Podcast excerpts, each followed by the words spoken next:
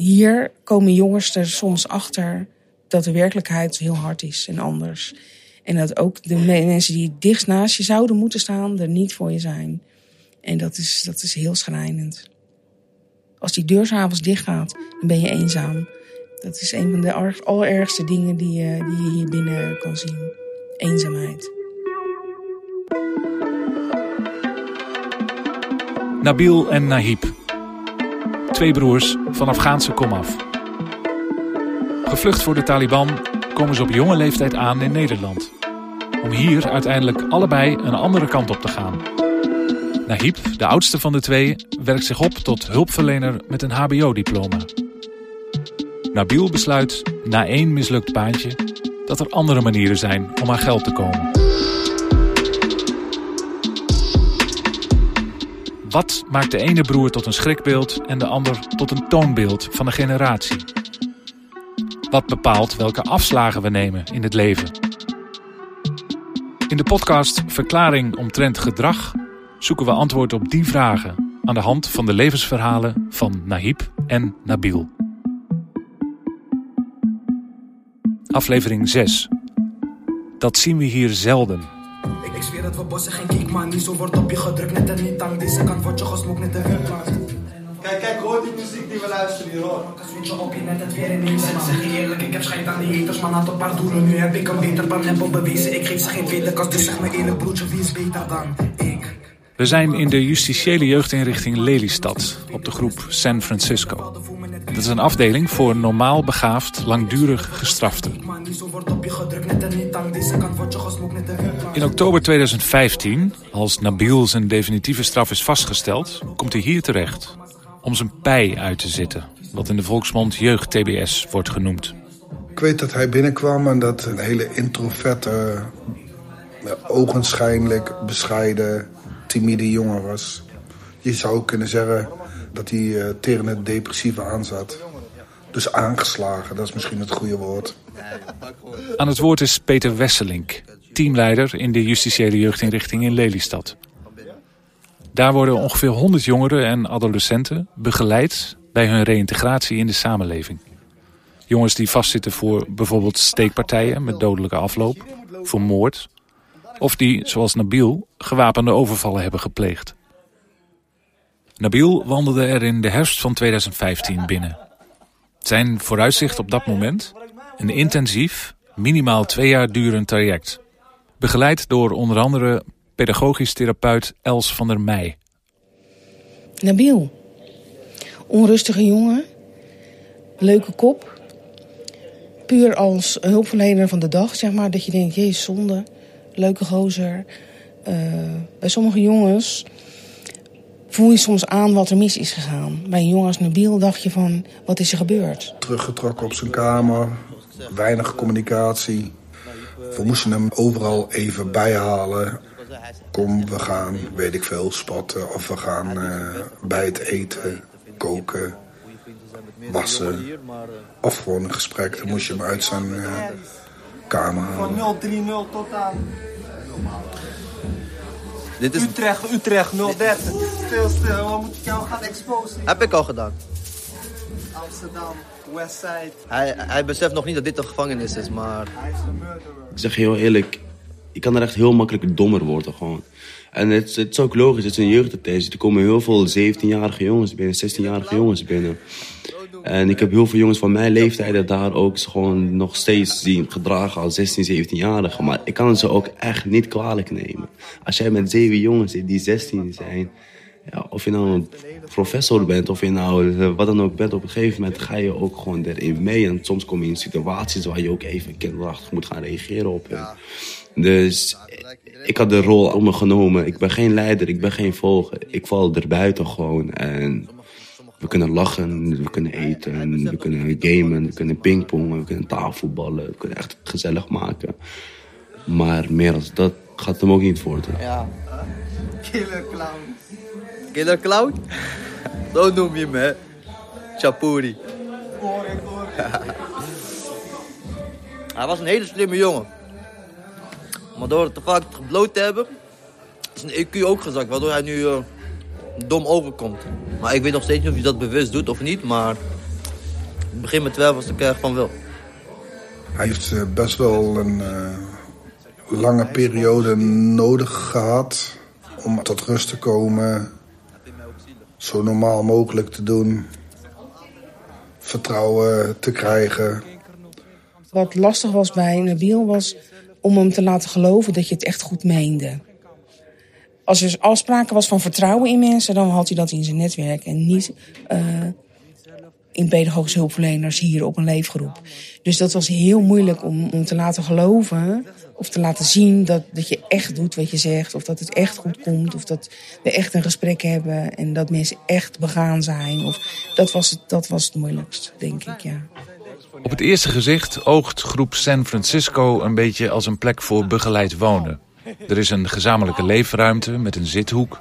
Er is een open keuken, een televisie, een plek om te gamen, een balkon om te roken. En daarnaast heeft iedere jongen op de groep een eigen kamer. Met een ouderwetse celdeur, dat wel. Er is een staf van groepsleiders en therapeuten...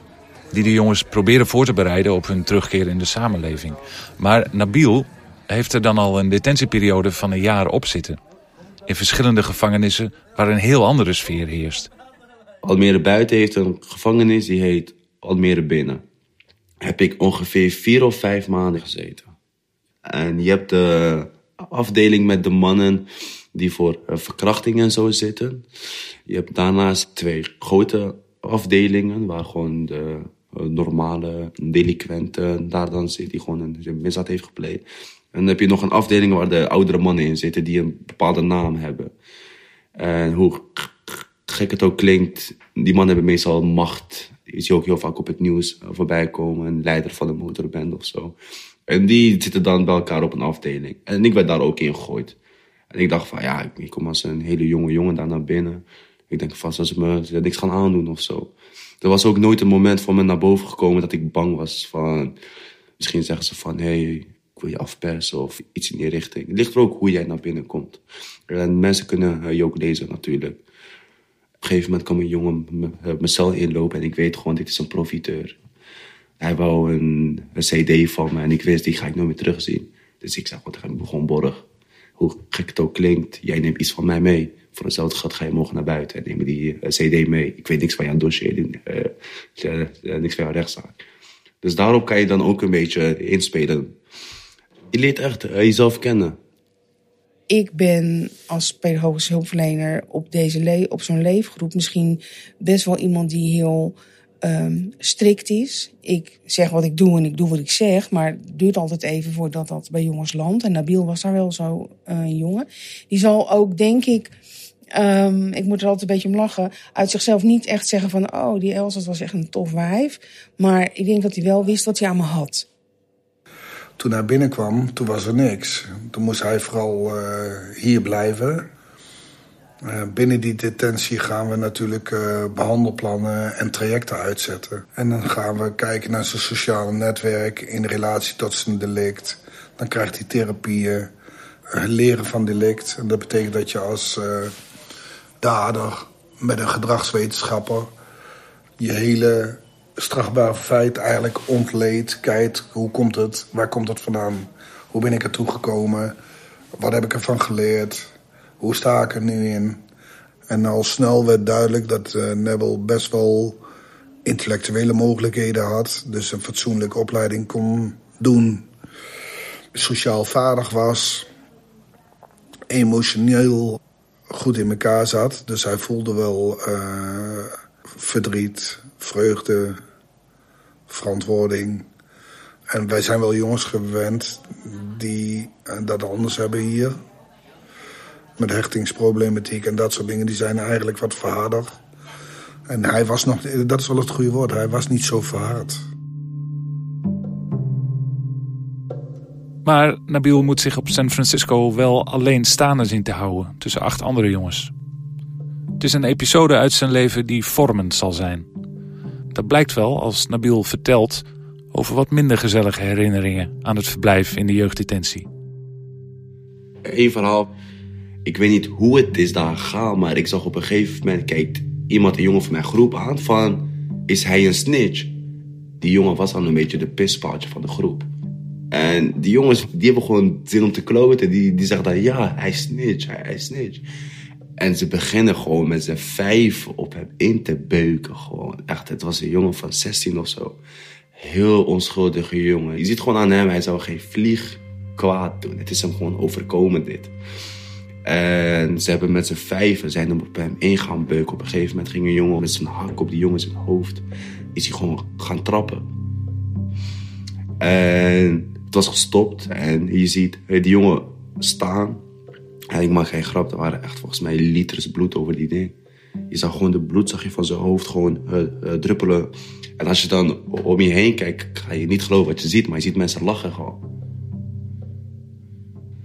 Deze situatie, hoe het heeft geleid tot deze jongen zo kapot is geslagen. Ik herkende heel veel voor, ja, heel veel situaties daarin uit. Dat iemand zegt, is hij snitch? Deze jongen naast mij maakt er totaal niks van mee. Maar hij zegt gewoon, ja, ja, ja, hij is snitch. Hij heeft gewoon, hij heeft gewoon zin in sensatie.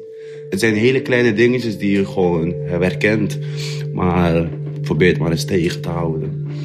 Ik ben dan die jongen die daar staat en die kijkt verbaasd van... Dit heeft een hele andere wending gekregen dan het had moeten zijn. Het is heel kinderachtig. Je hebt gewoon een leider, je hebt een volger, je hebt een pestkop, je hebt iemand die wordt gepest. En ik was altijd degene, als ik zie dat iemand zomaar slachtoffer is geworden, als ik bij hem in de buurt tenminste kan komen, dan probeer ik nog een beetje te leiden. En dan is het niet dat ik naar de jongen toe ga van, hey, stop met pesten. Dan ga ik naar hem toe van, ga je nog een keer voor jezelf opkomen? Want dit is geen school of zo. Dit is niet dat je naar een docent kan toe gaan van, hé, hey, ik word gepest. Ik kan gewoon zo meteen een, een stoel op je hoofd verwachten. En je moet niet van mij denken van dat ik uh, voor je ga opkomen. Van, hé, hey, niet doen. Ik, ik geen held. Ik, ben ook niet. Ik bedoel, die jongen is vijf bij vijf. Kom gewoon voor jezelf op. Was wel een jongen die ook twee kanten had. Aan de ene kant kon die uh, denken van, oh, ik heb geld nodig en ik moet uh, niks werken, niks leren. Ik heb gewoon geld nodig, want ik moet leven. En aan de andere kant was hij zich bewust van zijn kwaliteiten. Dus als wij begonnen van, jongen, jij kan naar het mbo. Weet je hoe dun gezaaid het is hier binnen, jongens die dat kunnen. Zie je kansen, kwaliteiten. Dan was hij daar wel gevoelig voor. Dus hij had wel steeds die prikkel nodig. En op een gegeven moment verdween steeds meer die andere kant. Dus hij, hij begon dat meer te geloven. En ik geloof dat zijn netwerk daar een rol in gespeeld heeft. Dat hij van huis uit ook die, die rust en die stabiliteit en dat zien van die mogelijkheden, dat dat ook van huis uit uh, uh, overgebracht werd. Hij zag dat er elke dag twee vrouwtjes komen binnen met bij hem. Even chips halen, even dit halen, even met hem praten. En elke dag zeggen, nou wilt u je best, nou wilt u je best, nou wilt u je best. Dus ik denk dat dat hem heeft ook echt geholpen om te zien van... oké, als ik het niet goed doe, deze twee dames hier voor mij... die gaan ook helemaal kapot. Moeder. Moeder was degene die onvoorwaardelijk, die indruk hadden wij... achter haar kind stond en er hier dus ook was. Ook bij alle activiteiten betrokken wou zijn... en uh, communicatief uh, de lijntjes uh, in stand hield. Naïb kwam daar later bij in beeld. Als de broer die uh, keurig was, leerde, de vaderrol op zich genomen had. Zorgend. Ja, ik denk dat ze eerst wat verder van elkaar waren. Alleen doordat er één in de problemen kwam, ging de andere hem helpen... en daardoor, daardoor de banden verstevigd zijn. We kregen open gesprekken toen meer open gesprekken dan toen hij hier thuis was, zeg maar. Misschien een van de voorbeelden toen het uitging met mijn ex. Was voor mij een hele grote, want ik had vijf jaar, dat was een hele grote impact. En hij zei, je moet je gewoon eroverheen zetten, joh, komt goed. Puberteit is je eerste liefde. Je hebt waarschijnlijk veel van geleerd en zo. Die moet je gewoon meenemen naar, uh, in je leven. Misschien kom je man eens tegen, neem het gewoon mee. Dus hij was daar echt uh, makkelijk en simpel in, zeg maar. En dat nam ik steeds mee. We mochten één keer in de week naar zien. Maar ze hadden heel veel dingen daarnaast, ook bepaalde avonden. En mijn moeder wilde, ik en mijn moeder gingen altijd wel daar naartoe. Ouderavond, uh, informatieavond. Niet eens per se voor zijn groep. Mijn moeder belde van, ja, kan even daarbij komen? Dan hebben wij een uurtje samen. En hij wil zoiets van, heb ik dat? Mijn moeder zegt, ja, dan zijn we samen. Ja, oké mama.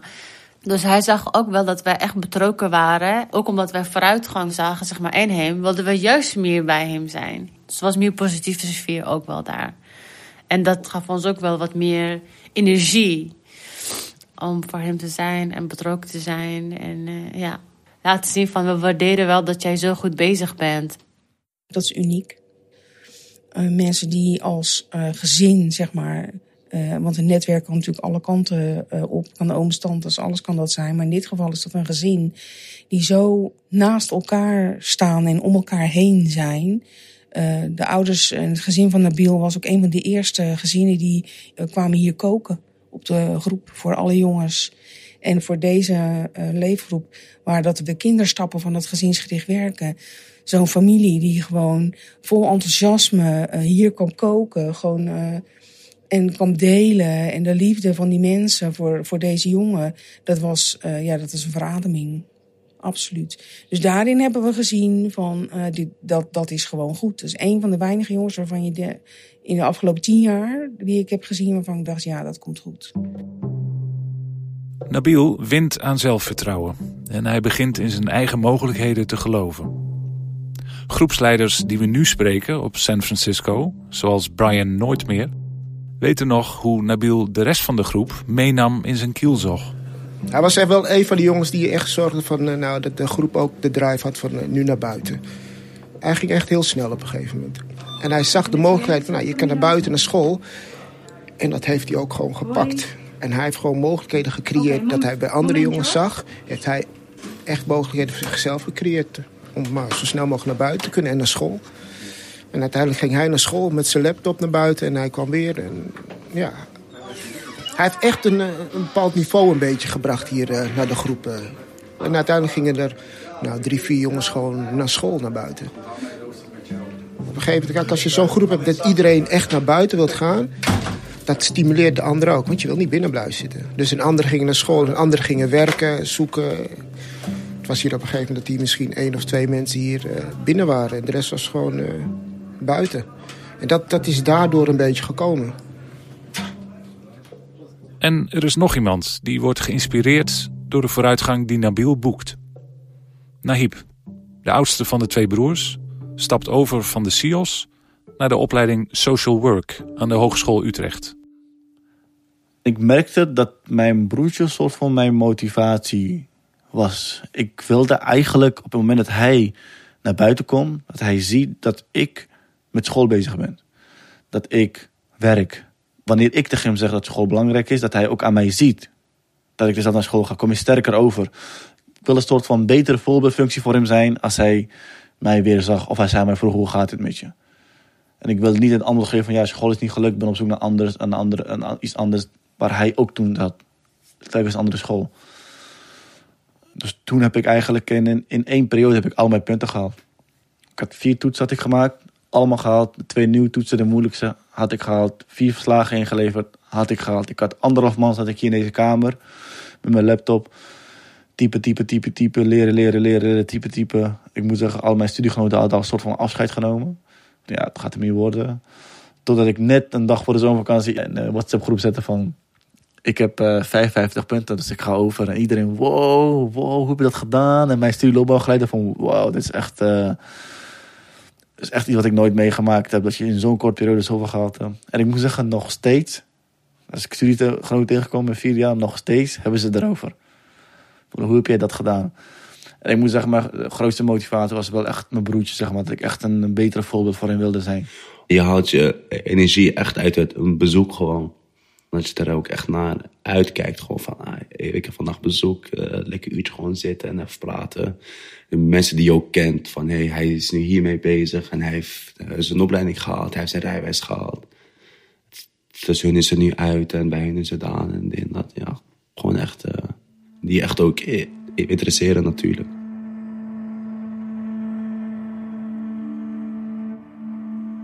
Ik herinner het moment dat hij de eerste keer begeleid verlof had. Toen kwam hij naar huis, hebben we gegeten samen met zijn verlofbegeleider. En uh, toen kwam hij nog een keer op verlof, begeleid verlof. Toen op een gegeven moment kreeg hij slaapverlof, mocht hij slapen hier. De eerste keer onbegeleid verlof, dat weet ik. Want als je vaak met, met een groepsleider komt, is het toch wel een soort van... Uh, we kunnen praten, maar we kunnen niet over alles praten. We kunnen persoonlijk worden, maar niet over alles persoonlijk worden. Zijn eerste keer onbegeleid verlof, ik was de hele dag met hem. We hebben gegeten, we, hebben, we zijn naar de stad geweest. Uh, we hebben aan zijn planning gehouden, wat hij op verlof had. Daar zijn we geweest. Op een gegeven moment moest ik hem terugbrengen. Dus ik pakte de auto, mijn vader zat naast mij, hij zat achterop. Dus ik breng hem terug, want hij moest zich voor half tien weer melden in Lelystad. En ik had hem afgezet. En ik zag hem zeg maar lopen naar binnen en ik begon te huilen eigenlijk. Terwijl hij naar binnen liep. Het was, in de auto hadden we leuk, of hadden we over alles. En we hadden maakten geintjes en lachen. En toen had ik hem afgezet en ik zag hem lopen. En ik begon te huilen. En ik denk dat ik gewoon onderweg nog een kwartiertje of zo zat te huilen. Mijn vader was me een beetje aan het troosten, zeg maar. Maar het deed wel echt wel pijn dat hij dan weer terug moest of zo. Daar binnen weer. Deze band was er al. En die is ook gebleven. Eigenlijk door het feit dat uh, Nahib gewoon altijd was. Hij was altijd in contact. Telefonisch, bezoek. Uh, als het gezin op bezoek kon komen, was zijn broer erbij. En ja, dat, dat herkennen wij, omdat we dat natuurlijk niet altijd zien. We zien dat niet bij iedereen. En bij het merendeel van de jongens zijn het vrienden uit het, laten we het noemen, het foutennetwerk. Dat wat we liever wat minder zouden zien. Dus ja, daar, daarin blonk Nabil uit. Ik werd echt bewust van mezelf. Wie ben ik? Wat wil ik? Uh, kwam ik serieus in het leven? Dat was de tijd dat mijn broertje heel veel onbegeleid verlof had. Hij ging maar één avondje bijna slapen in Lelystad. En opeens, hij kwam thuis. Hij zegt, luister, uh, zomervakantie, zoeken ze iemand. Dat was net voor de zomervakantie tot ik naar derde jaar ging. Drie weken sportcoördinator. Ik zeg, oké. Uh, hij zegt, jij doet de opleiding social work. En je hebt SEALS gedaan. Misschien kan je sportcoördinator even drie weken werken. Daar kan je een kijkje nemen. En wie weet kan je netwerk opbouwen hoe het loopt. Eigenlijk zo gezegd, zo gedaan. Ik heb hem mijn motivatiebrief laten zien van... is het wel goed, past het wel? En hij zegt, ja, jawel, dit is wel goed. En, en wel herkenbare, we noemen sterke dingen. Opgestuurd en ik werd uh, gebeld van... hé, hey, we willen jou uh, voor drie weken. Kom maar. Ik heb daar met mijn toenmalige directeur ook over gesproken. Wat zijn die risico's? Want je hebt hier ook heel veel cliënten waarvan je dacht... ja, daar moet je helemaal geen familie van binnen hebben. Want dat is gewoon een heel crimineel netwerk buiten de deur. Maar omdat wij deze familie vanuit het sociale netwerk... en die hele analyse van Nebel kennen... wisten we eigenlijk veel meer dan de gemiddelde sollicitant. Zijn moeder, zijn zusters, zijn broer, zijn vader nou, alles in die omgeving. Uiteindelijk hebben we het voorzichtig geprobeerd. Toen zijn we een stageovereenkomst aangegaan. Dus ik dacht, nou, ik ga het wel even zien op een andere groep, hè. Toen was zijn broer al weg. Maar toch dachten we, ja, we doen hem niet op de groep... daar waar zijn broer gewoond heeft. Want alle cliënten die er nog zaten, die kenden Nebel.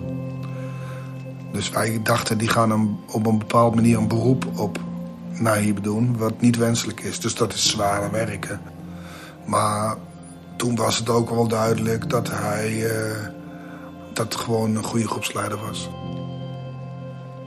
En zo wordt de jeugdgevangenis in Lelystad een kruispunt in de levensverhalen van beide broers. De plek waar Nahib zich ontwikkelt tot een goede groepsleider tussen jonge criminelen. Diezelfde plek mag Nabil na jaren van detentie achter zich laten.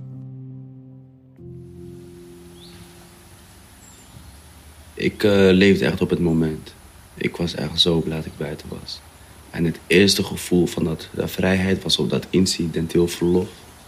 Om even, het zou allemaal anderhalf uur bij elkaar duren. Maar ik op een gegeven moment liep ik dus naar buiten om op de busje te wachten die mij komt ophalen. En dat was op een, een fietspad waar alle scholieren, de middelbare scholieren langs fietsten.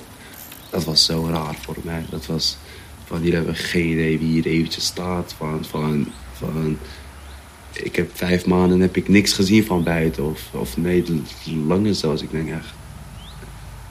Acht maanden had ik toen niet eens gewoon iets van buiten gezien. Alleen als je op uh, vervoer ging, zie je het buiten. Nu sta je gewoon buiten.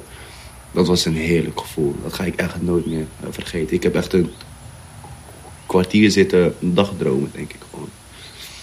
En uh, toen met begeleid verlof en toen onbegeleid verlof. Het was zeg maar in kleine stapjes ben ik, uh, ben ik aan dat gevoel gaan wennen. Het was niet in één keer dat ik opeens naar buiten mocht en de hele wereld uh, mocht zien.